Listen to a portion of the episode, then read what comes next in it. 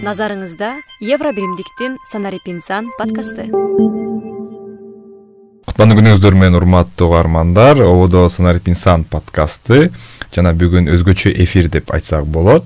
Анткени биздин подкастыбыздын жыйынтыктоочу эфири болмокчу. Бүгүнкү берүүнүн алып баруучулары жана спикери өзүбүз болобуз. Кесиптешим сапаргүл абдинабиева жана мен ажыбек нурланов. Саламатсыздарбы? Анан биринчи эле сөз бул подкасттын идеясынын авторуна бергим келип жатат. Урматтуу кесиптеш эмне үчүн ошо санарип инсан долбооруна негизи эле подкасттар түрмөгү биздин коом үчүн маанилүү деп ойлоп анан бул ишти баштадыңыз. Рахмат сурооңузга. Санарип инсан долбоору ошол эки миң жыйырма экинчи жылдын март айында башталган. Бул кыргызстан үчүн абдан актуалдуу долбоорлордун бирөөсү болчу.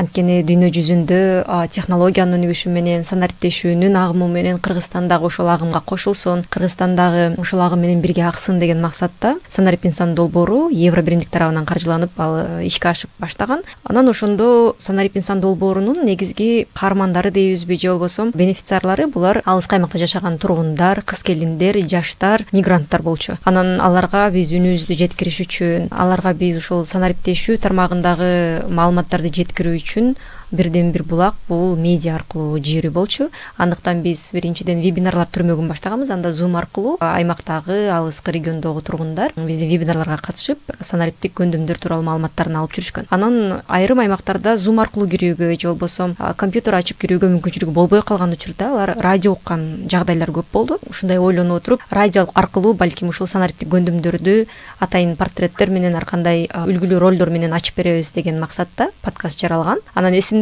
ошол алгачкы подкаст кеминдеги ишкер азиз менен болгон. Абдан кызыктуу болгон азиз ошол өзүнүн ишкердиги жөнүндө баштаган жана дагы мындай күндөлүк турмушта кездешкен санариптик көндүмдөр жөнүндө абдан кызыктуу эфир куруп берген. Андан кийин динара русланды чакырганмын конокко. Ал болсо ошол маалыматтык технологияда ийгилик жараткан кыздардын бирөөсү программист. Ал дагы бүгүнкү күндө санариптешүү доорунда кыздардын өзгөчө кыз келиндердин санариптик көндүмдөрдү билүүсү канчалык актуалдуу экенин айтып берген абдан кызыктуу эфирлер болгон.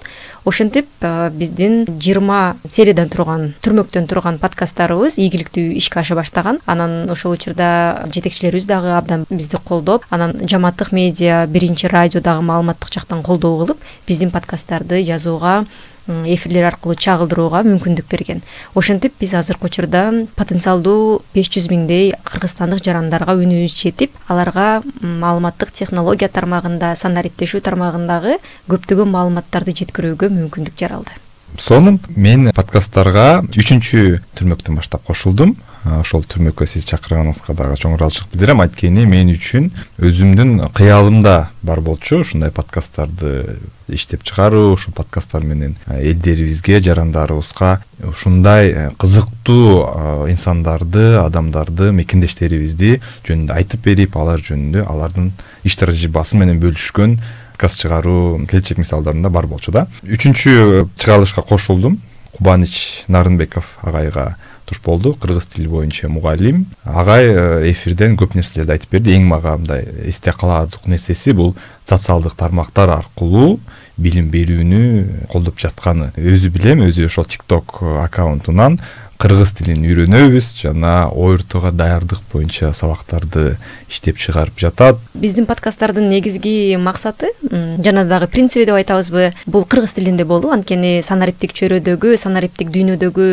сөздөрдү чын эле орус тилинде же англис тилинде издегенде көп маалыматтар чыгышы мүмкүн. Бирок кыргыз тилинде маалыматтар абдан аз болгондуктан биз кыргызча өткөрөбүз дегенбиз. Экинчи биздин максатыбыз бул тең салмактуулукту сактоо. Мисалы үчүн аял эркек баарына бирдей жыныстык тең салмактуу конокторду чакыруу деп максат кылганбыз. Андыктан биздин кийинки коногубуз бул кундуз казыбек кызы болчу. Ал ушул кыргыз дүйнөсүндөгү ырчылар арасындагы шоу бизнестеги жаңылыктарды абдан мындай актуалдуу болуп жаткан популярдуу болуп жаткан ырларды ютубка бир аянтчага топтогон кыз кундуз өзү абдан мындай шыгы менен энергиясы менен таң калтырган анткени декретте отуруп эле үч баласы менен ютубту баштап миллиондогон көрүүчүлөрдү өзүнө тарткан санарип кыз десек болот. Анан э, эң маанилүү нерсеси бул ошол өзүнүн билими менен бөлүшүп жаткандагы айым деп айтсак болот. Мага ошол нерсе мотивация берди деп ойлойм да.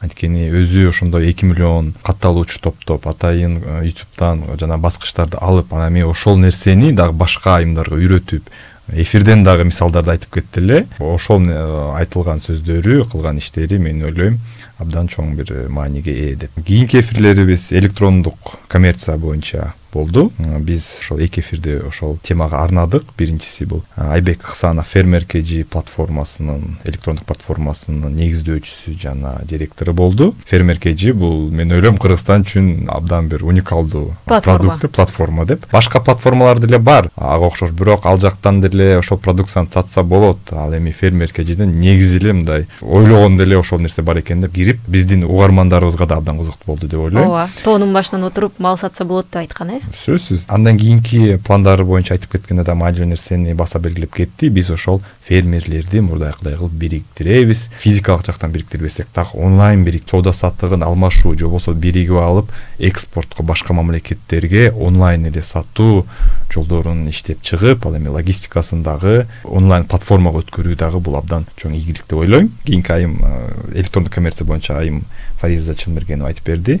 Негизи фариза кыргызстан боюнча абдан бир көрүнүктүү тажрыйбалуу эксперт жана тренер деп айтсак болот. Эфирде биз электрондук коммерция дейбизби онлайн сатып алуу дейбизби ушунун баарын чечимдеп берди. Бул кандай бөлүнөт?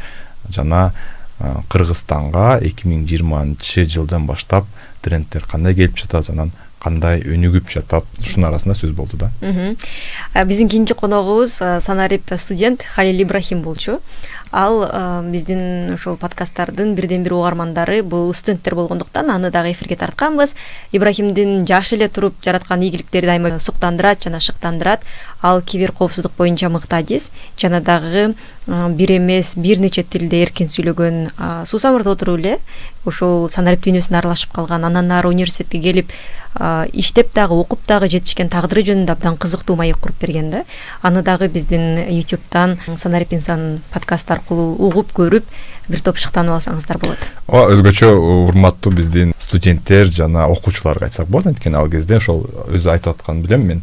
Мен интернеттен эле эмелерди тилди үйрөнгөм платформаларды үйрөнгөн деп. Андан кийинки конокторубуз дагы бир студент болду деп айтсак болот. Омар даиров ошол кыргызстан студенттери жашыл экономикасы жашыл экономика үчүн деген коомдук бирикменин негиздөөчүлөрүнүн бири жана жетекчиси. Эфирде биз буунун жашыл экономика жана климаттык өзгөрүү боюнча конференциясы жөнүндө талкууладык. Ал жака биздин студенттерибиз өзүнүн э, баягы докладын кетиргени жөнүндө сөз кылдык. Анан эң башкысы мага эсте калаарлыгы мисалдар менен айтып берди да. Мисалы бул нерсе бизге туруктуу өнүгүүгө жардам берет экономиканын кайсы бир бөлүгүнө деп ошол эле учурда финансылык сабаттуулук боюнча дагы бир эфирибиз болду.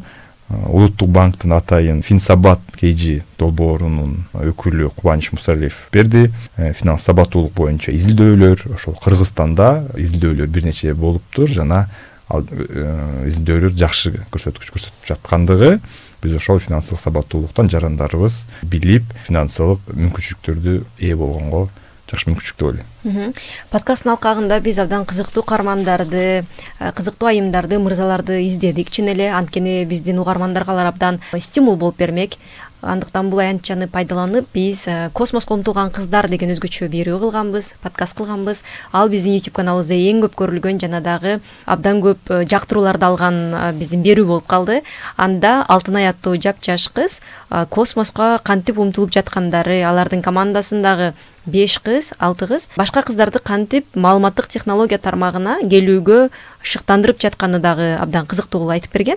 Аны да биздин youtube каналдан таап көрсөңүздөр болот. Ал эми социалдык медианын замандап кесиптери боюнча зина кабылбек бизге ошол эле теманы улай кызыктуу маек курган. Зинанын берүүсүндө мен абдан таң калганым бул бизге келе жаткан буга чейин өмүр угуп көрбөгөн кесиптердин көптүрдүүлүгү жөнүндөгү маалыматтары болгон. Анда зина жакынкы аралыкта жакынкы он жыл ичинде абдан престиждүү жана дагы дүйнө жүзү боюнча талап кылынган кесиптер тууралуу айткан жана алардын айлык акысына чейин бөлүшкөн кызыктуу эфир болгон. Анан ошону эле улай дагы бир эрктүү дейбизби өзгөчө креативдүү ой жүгүрткөн кыз дейбизби. Роза рысбек кызы бизге конокко келген. Ал ушол кыргыз адабий чөйрөсүн санариптештирген мыкты өзгөчө үнү бар оригиналдуу үнү бар кыз ал буга чейин окуган билген учкул сөздөрүн таасирдүү сөздөрүн белгилүү кишилердин э аларды санариптештирип кыскача кылып эле бир мүнөт эки мүнөт кылып эле окуп коет. Жана дагы инстаграм тикток аркылуу жүздөгөн миңдеген жактырууларды алып абдан популярдуу кесиптин ээси десек дагы болот.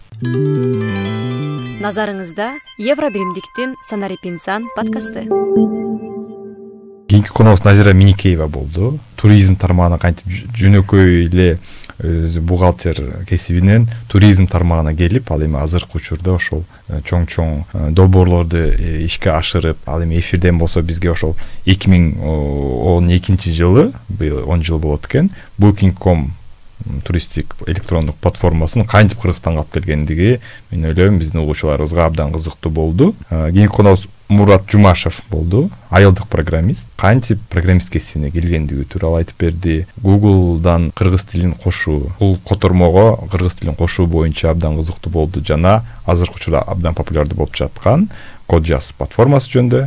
Коджаз платформасы ал телефонуңуздан эле программалоону үйрөнүүчү платформа деп айтсак болот. Биздин санариптешүү тармагында абдан кулачын жайып келе жаткан кесиптердин бирөөсү бул психология тармагы. Мында жалпы эле ушул баардык кесиптер санариптешкенге байланыштуу психология дагы санариптешип учурда кыргызстанда эң актуалдуу жана дагы талап кылынган кесиптердин бирөөсү болуп жатат. Анда нурзада нурбаева деген психолог бизге ушул санариптешүүнүн натыйжасы менен адамдар менен же болбосо жөнөкөй жарандар менен психологдордун ортосу канчалык жакындашканы жөнүндө кызыктуу айтып берген. Анткени буга чейин уялып тартынып психологко баруу бул уят психологко баруу бул чоң маселе же болбосо жолдошум эмне дейт атам эмне дейт деген сөздөрдөн коркуп жүргөн болсо эми жарандар психологдорго онлайн аркылуу кайрылып эле телефон аркылуу ар кандай кеңештерин алса болот деген чоң маалыматты ортого салган. Санарип инсан долбоорунун негизги максаттары бул ошо жарандарыбызга санариптик сабаттуулук үйрөтүү эл аралык дүйнөлүк жана кыргызстандагы онлайн платформаларды колдонуу болуп саналат. Анан кыргызстанда эң бир популярдуу платформа бул электрондук капчык билайн кыргызстан компаниясынын баланс кг смарт касса деген платформалар бар.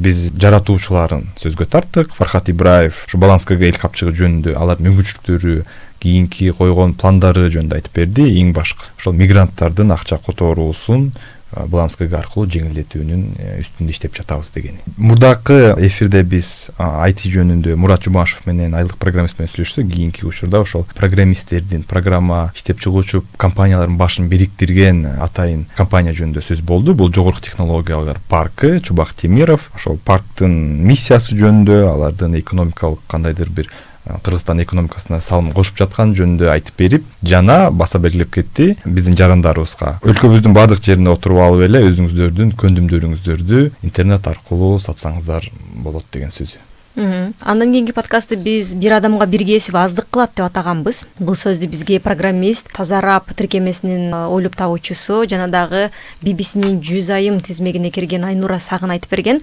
Биздин эфир учурунда азыркы учурда чын эле бир эле айтишник болгонго же болбосо программист же жөн эле журналист болгонго караганда бир адамдын төрт беш кесипке ээ болуусу заман талабына ылайык жана дагы буга сөзсүз адамдар келиши керек деп айткан. Ошондой эле ал биздин жаш кыз келиндерге мектепте окуган селкинчектерге санариптешүү дүйнөсүнө кирүүдө кайсы элементардык жана дагы базалык билимдерге ээ болуу керектиги жөнүндө кызыктуу маалыматтарды бөлүшкөн. Кийинки темабызды туризм тармагына багыттадык. Туризм жана жаштар саясаты боюнча эксперт экс министр азамат капар уулу келип маек берип кеткен. Негизи эле туризм тармагы кыргызстанда кандай өнүгүп барып жатат жана мунун өнүгүшүнө кандай баягы нерселерди аткарышыбыз керек? Ошол эле баягы кыргызстанды баса белгилеп кетти. Орто азия боюнча абдан жакшы жерде жайгашкан туризмге абдан актуалдуу деп жана ошол туризмдеги трендтерди айтып берди.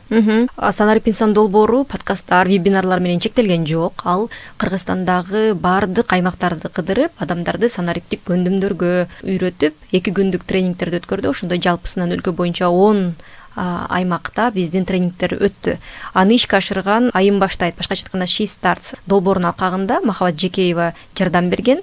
Ал ошол аймактарда тренингтерге катышкан жаштар менен баарлашып келиндер менен баарлашып санариптешүү канчалык деңгээлде ишке ашып жатканын жана адамдардын канчалык бул кесипке ынтызар болуп жатканы жөнүндө биздин эфирге келип абдан кызыктуу маек куруп берген. Ошол менен биздин э, жыйырма коногубуз деп айтсак болот бизге маек куруп берди абдан маанилүү нерселерди айтып берди деп айтсак болот.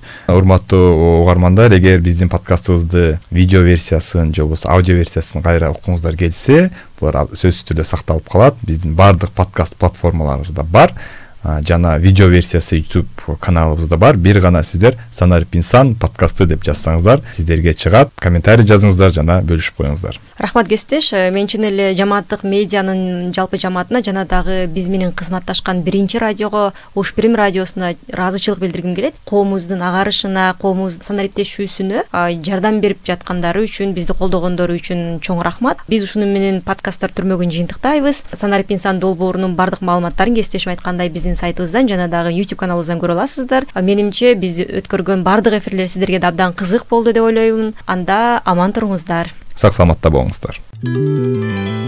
Назарыңызда евро биримдиктин санарип инсан подкасты